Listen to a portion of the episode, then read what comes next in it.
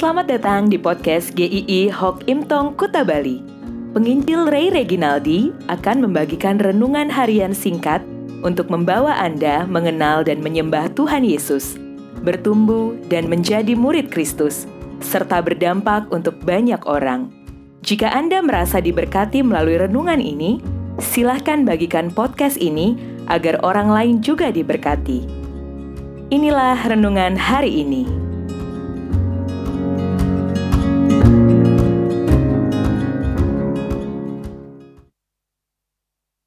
Pusat Penyembahan Yohanes 4 ayat 21 Percayalah kepadaku, saatnya akan tiba bahwa kamu akan menyembah Bapa bukan di gunung ini dan bukan juga di Yerusalem.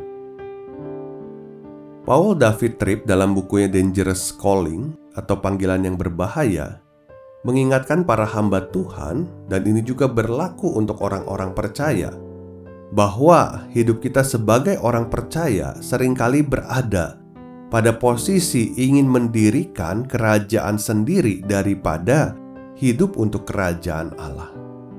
Kita sering kali hidup supaya kita menjadi pusat dari segala sesuatu. Orang-orang harus memperhatikan kita semua. Kita membutuhkan pujian dari orang lain untuk mendapatkan makna diri. Kita memikirkan reputasi kita lebih daripada reputasi Allah. Ini adalah bahaya yang besar untuk orang percaya ketika menempatkan diri menjadi pusat penyembahan. Dalam percakapan dengan Tuhan Yesus, perempuan Samaria melemparkan isu tentang ibadah. Di ayat 20 dikatakan, "Nenek moyang kami menyembah di atas gunung ini, tetapi kamu katakan bahwa Yerusalemlah tempat orang menyembah." Ini adalah isu yang selama ini dipertentangkan orang Yahudi dan Samaria Mana yang lebih tepat beribadah? Di Gunung Gerizim, di Samaria, atau di Yerusalem? Empat orang-orang Yahudi. Jawaban Yesus menjadi satu keheranan bagi perempuan ini karena dia tidak memilih lokasi mana yang dikatakan tempat yang tepat untuk ibadah.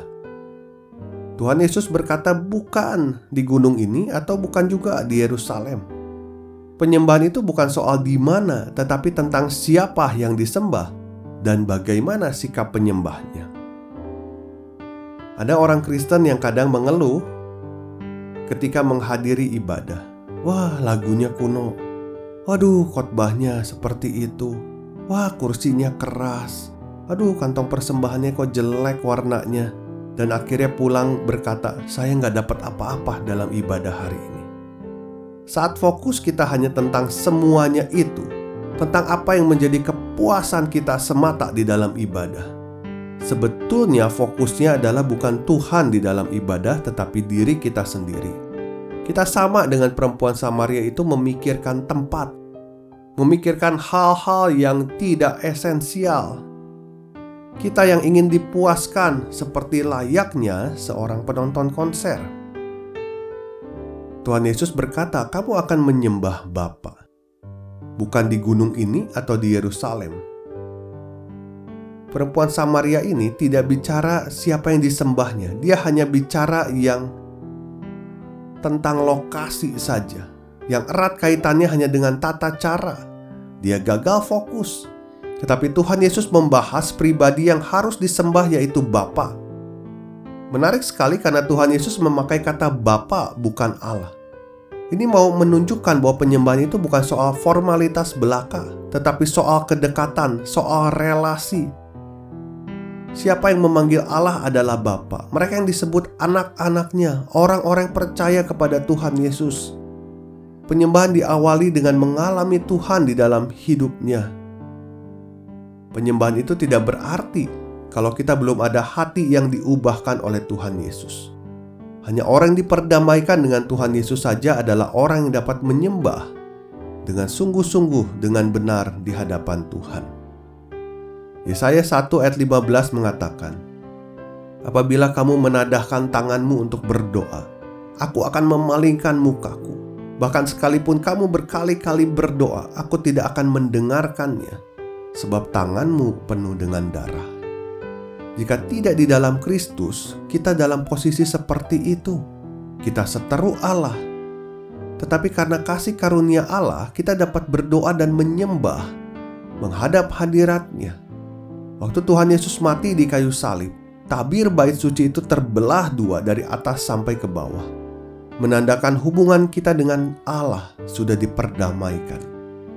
Penyembah yang benar dimulai dari hati yang sudah diubahkan. Mari kita menyembah dengan benar di hadapan Tuhan. Semua fasilitas itu penting, tapi bukan segala-galanya. Mari periksa hati setiap kita. Fokus penyembahan kita harusnya tertuju pada satu pribadi, yaitu Bapa. Allah saja, Allah pencipta langit dan bumi, Allah yang sudah mengasihi kita, Allah semesta alam ini.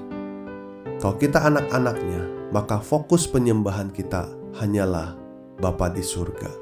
Itulah yang dikehendaki oleh Allah. Mari kita kembalikan fokus kita hanya untuk menyembah Tuhan. Amin.